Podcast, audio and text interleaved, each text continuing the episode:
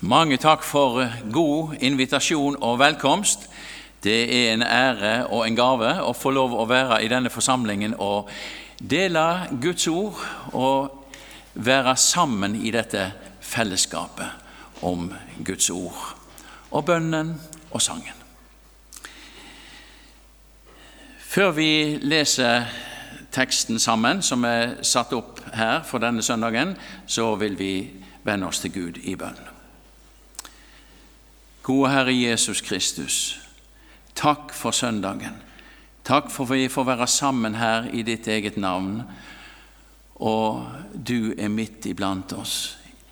Du kommer til oss gjennom ditt ord, og nå ber vi at du ved Din Hellige Ånd vil åpne våre hjerter, slik at ordet får nå inn, og du, Jesus, blir stor og kjær for oss, og at det er deg vi får følge.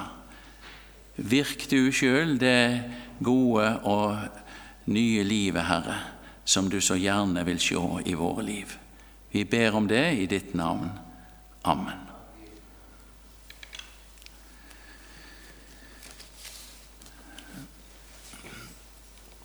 Teksten vår den er da fra Filippabrevet, kapittel 1, 9-11. Men jeg syns det er fint å få ta med noen vers foran òg, så vi leser fra vers 6 i Jesu navn.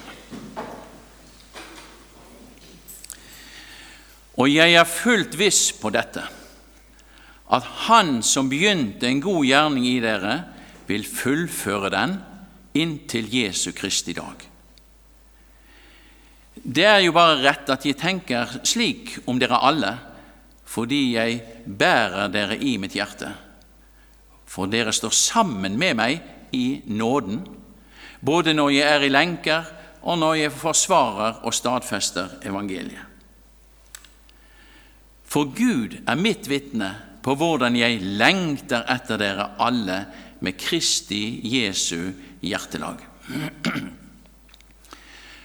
Og dette ber jeg om, at deres kjærlighet må bli mer og mer rik på kunnskap og all innsikt, slik at dere kan dømme hva som er rett i de forskjellige spørsmål. Slik kan dere stå rene og uten lyte til Kristi dag, fylt av rettferdsfrukt ved Jesus Kristus, Gud til ære og pris. Dette var ordet ditt, Hellige Far. Hellige oss i sannheten. Ditt ord er sannhet. Amen.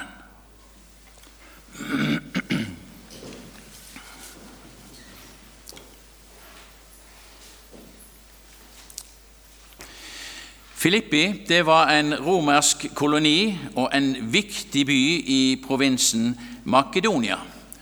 Og første byen Paulus eh, stansa i, da han eh, skjønte at Gud hadde kalt han til å forkynne evangeliet her. Gud hadde i et syn latt han få se en mann fra Makedonia som ropte til han, slik det står i apostelgjerningene 16.: Kom over til Makedonia og hjelp oss. I Filippi så ble han både kasta i fengsel og utfridd på forunderlig vis. Og Paulus sitter nå i fengsel en annen plass, trolig i Rom i år 62, når han skriver dette personlig prega brevet til sin nære og kjære venner i Filippi. Brevet som gjerne kan kalles gledens brev, nettopp fordi Ordet glede går igjen flere ganger her enn i noen andre av skriftene i Det nye testamentet.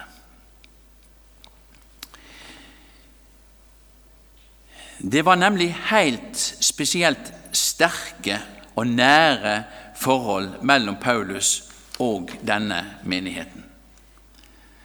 Han takker for dem, han gleder seg over dem, både når han tenker på dem, ber for dem og kjenne på fellesskapet de har i nåden i Kristus. Også i tjenesten for eh, Han. Helt ifra første dagen har de stått sammen med apostelen i arbeidet for evangeliet, slik vi leser det i versene like foran teksten vår, fra vers 3. Jeg takker min Gud så ofte som jeg tenker på dere. Alltid når jeg ber, gjør jeg min bønn for dere alle med glede. For fra første dag og like til nå har dere hatt samfunn med meg i arbeidet for evangeliet. Vi møter hos apostelen en overbevisning om Guds gode gjerning gjennom samfunnet, gjennom fellesskapet med apostelen, i arbeidet, i det å være et redskap for evangeliet. Og Dette samfunnet med han, det er samtidig et samfunn med Faderen og Hans Sønn Jesus Kristus, som det står i 1. Johannes brev 1. Og vårt samfunn, sier apostelen Johannes, er samfunn med Faderen og Sønnen, og med Hans Sønn Jesus Kristus. Jeg er fullt viss på, sier Paulus her, han er overbevist om, jeg er fullt viss på dette, at Han som begynte en god gjerning i dere, vil fullføre den inntil Jesu Kristi dag helt til Jesus kom igjen til dom og frelse, utfrielse og nytt liv i det fullkomne Guds rike. Og I kapitlet, neste kapittel, kapittel 2, så taler, om, nei, taler Paulus nettopp om å Og det er jo Jesu tale, men det er gjennom apostelen Paulus Arbeid på deres frelse med frykt og beven. Ikke for å bli rettferdige for Gud, at de nå skal grunnlegge sin egen rettferdighet, men nettopp ut ifra de at, fordi de er utfredd fra syndens skyld og makt i Kristus, dødens her, herredømme, og har fått del i et helt nytt liv og et levende håp, så er det tale om å være tjenere, redskap for denne frelsen det taler om frelsens og evangeliets utfoldelse i livet. Det å ville og virke til Guds behag. Og det er håp, virkelig håp, i dette arbeidet med å være redskap for evangeliet. Nettopp fordi Gud er den som virker i dere, både å ville og å virke til Hans gode behag. Og slik så blir de sjøl og vi bevart i evangeliet. Leve i avhengigheten av Guds nåde og i lydighet mot evangeliet. Det som det står i 1. Korinterbrev 15, dere vet at deres arbeid ikke er forgjeves i Herren. Og i Hebreerbrevet 13,10 må Han gjøre dere dyktige til alt godt, så dere kan gjøre Hans vilje ved at Han virker i oss ved Jesus Kristus det som er godt i Hans øyne. Ham tilhører æren i all evighet. Amen. Og denne overbevisningen og fulle vissheten som apostelen har om Guds gode gjerning gjennom fellesskapet med Han, det er samtidig går over kan vi si, i en kjærlighetserklæring om nådens fellesskap. Det taler om en hjertesak, et hjerteanliggende og et hjertebånd som er knytta mellom Paulus i det romerske fengsel og menigheten i Filippi. Jeg bærer dere i mitt hjerte, hørte vi. Og Det peker på fellesskapet, samfunnet de har med Han i nåden, i Kristus Jesus, i evangeliet og i arbeidet for evangeliet. For Gud er mitt vitne, sier han, på hvordan jeg lengter etter dere, alle med Kristi Jesu kjærlig, hjertelag.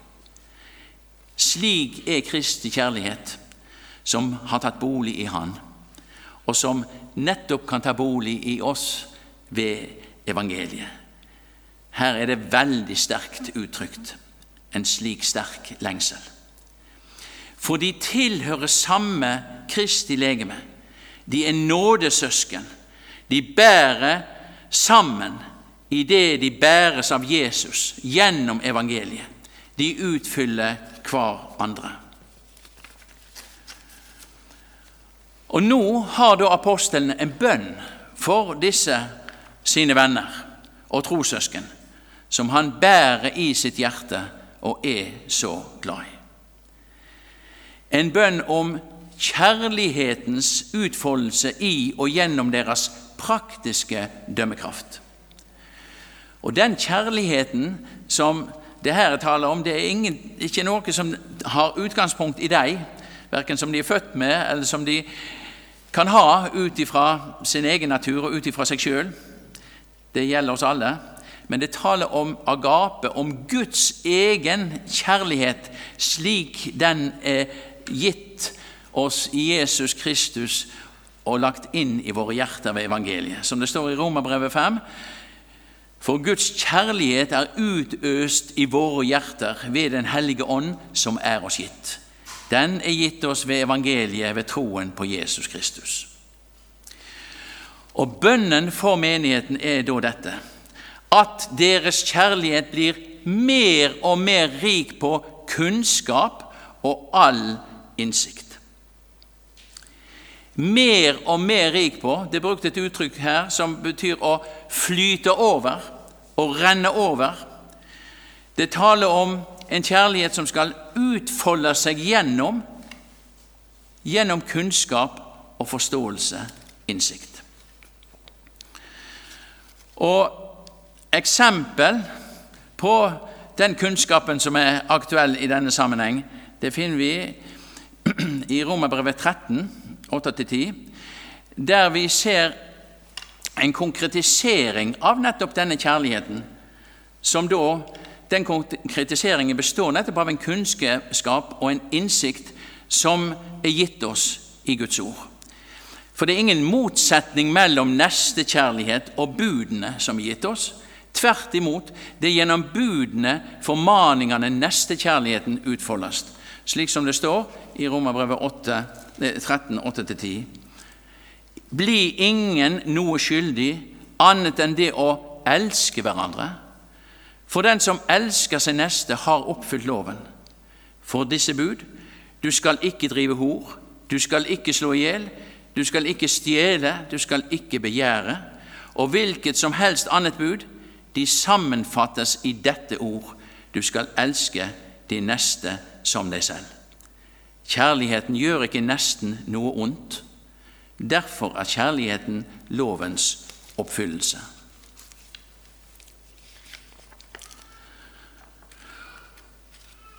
Og I 1. Korinterbrev 13 så får vi beskrevet hva denne kjærligheten er, hva den ikke gjør, og hva den gjør. Og Det er nettopp en beskrivelse av den Kristi kjærlighet, Guds kjærlighet, som kan bo i oss ved et liv i nåden, når hjertet retter på Jesus. Og så ber apostelen om at denne kjærligheten virkelig må renne over og flyte over og gjennomstrømme vårt liv og rettes mot vår neste. Det står der f.eks. i vers 4, 1. Korinter 13. Kjærligheten er Det er en beskrivelse av hvordan denne kjærligheten er. Kjærligheten er tålmodig, er velvillig. Kjærligheten misunner ikke, kjærligheten skryter ikke, den blåser seg ikke opp. Den gjør ikke noe usømmelig, søker ikke sitt eget, blir ikke bitter. Gjemmer ikke på det onde. Den gleder seg ikke over urett, men gleder seg ved sannhet. Den utholder alt, tror alt, håper alt, tåler alt. Og i Jesu forbindelse med Jesu fotvaskelse den siste kvelden, eller skjærtorsdagskvelden, så i Johannes 13, så stiller han jo nettopp dette spørsmålet til sine disipler etter at han har vasket føttene deres. Forstår dere hva jeg har gjort med dere? Og så peker han på nettopp konsekvensene av den forståelsen og den oppdagelsen. Og Vi kan lese der fra vers 12 og 13 i Johannes 13. Da han hadde vasket deres føtter og tatt på seg klærne, satte han seg til bords igjen. Så sa han til dem, til sine disipler, Forstår dere hva jeg har gjort med dere? Dere kaller meg mester og herre, og med rette sier dere det, for jeg er det. Når da jeg, som er herre og mester, har vasket deres føtter, så skylder også dere å vaske hverandres føtter. For jeg har gitt dere et forbilde for at også dere skal gjøre slik som jeg har gjort.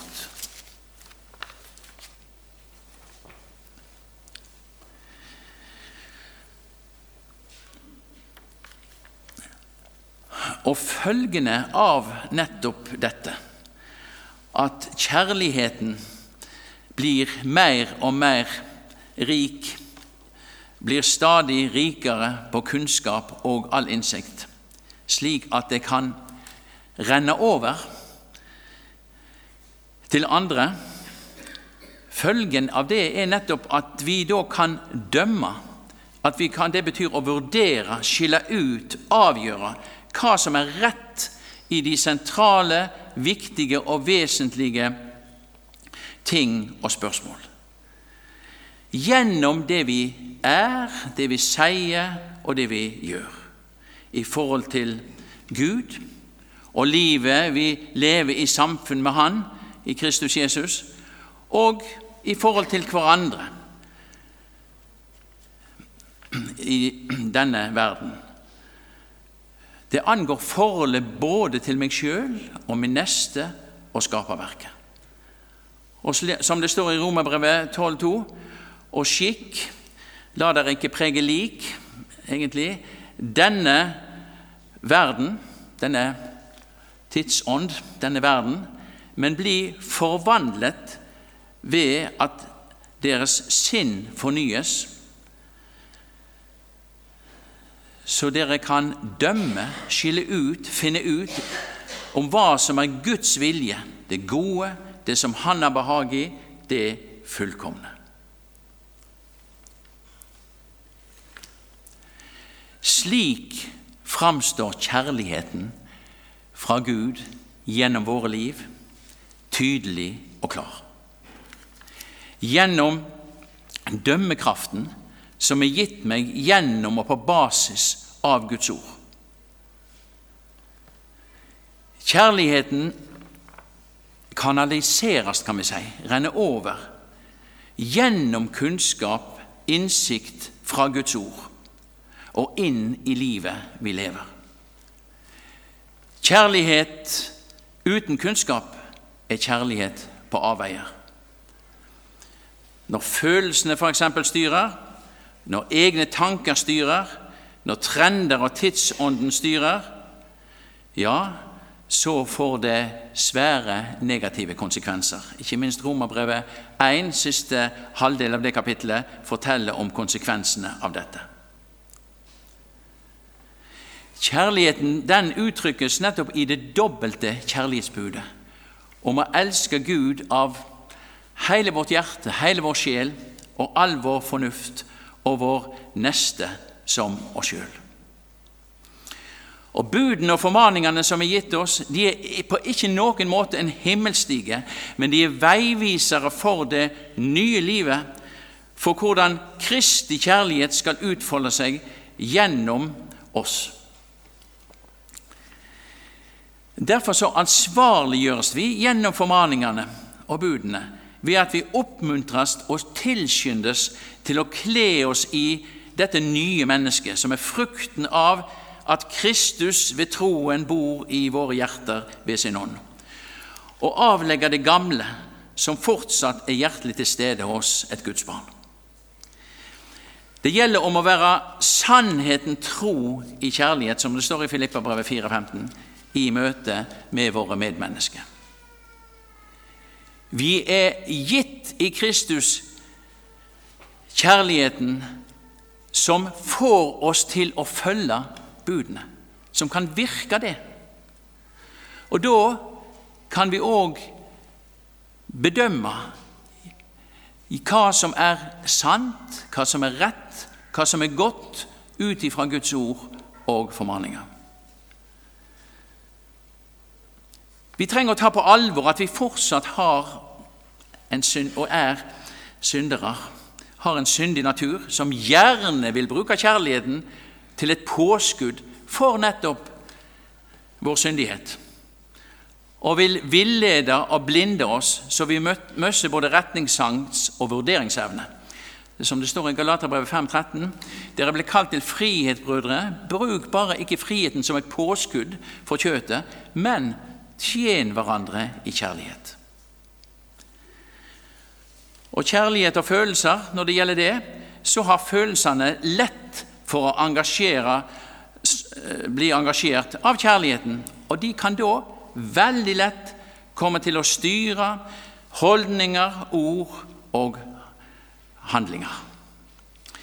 Og Derfor så trenger vi noe utenfor oss sjøl som kan gi oss både innsikt og evne til å skille ut og ta vare på.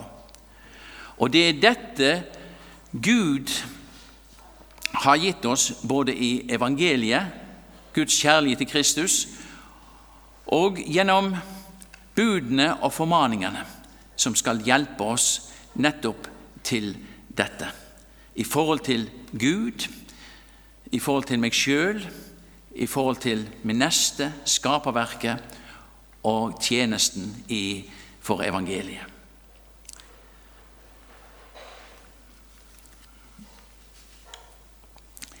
Slik kan dere stå rene og uten lyte til Krist i dag, sier apostelen videre mot avslutningen.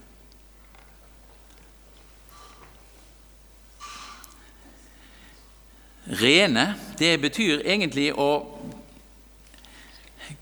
være gått over fra dødens sammenheng til livets sammenheng. Det er det som renselsen består i. Å ha del i det nye livet og være frarekna alt vårt eget i Kristus. Da vi del, har vi del i Hans renhet, Hans hellighet overfor Gud. Stå rene og uten lyte til Kristi dag. Kristi dag er jo dagen eller da Jesus kommer igjen til dom og frelse. Og det fullkomne Guds rike skal, skal opprettes. Slik, sier apostelen, kan dere stå rene og uten lyte. Det viser nettopp tilbake til det som er sagt at dere kan dømme om hva som er rett i de forskjellige spørsmål. Slik viser at gjennom kjærlighetens utfoldelse så er det vi blir bevart òg sjøl hos Kristus. For den, denne kjærlighetens utfoldelse, den er jo nettopp en frukt og en følge av rettferdigheten og livet i Han. Og ved å bli bevart i Kristus, ved å bli i Han gjennom ord om Han, så blir vi fylt av rettferdsfrukt, som er de frukter som rettferdigheten gir. Det er Åndens frukter.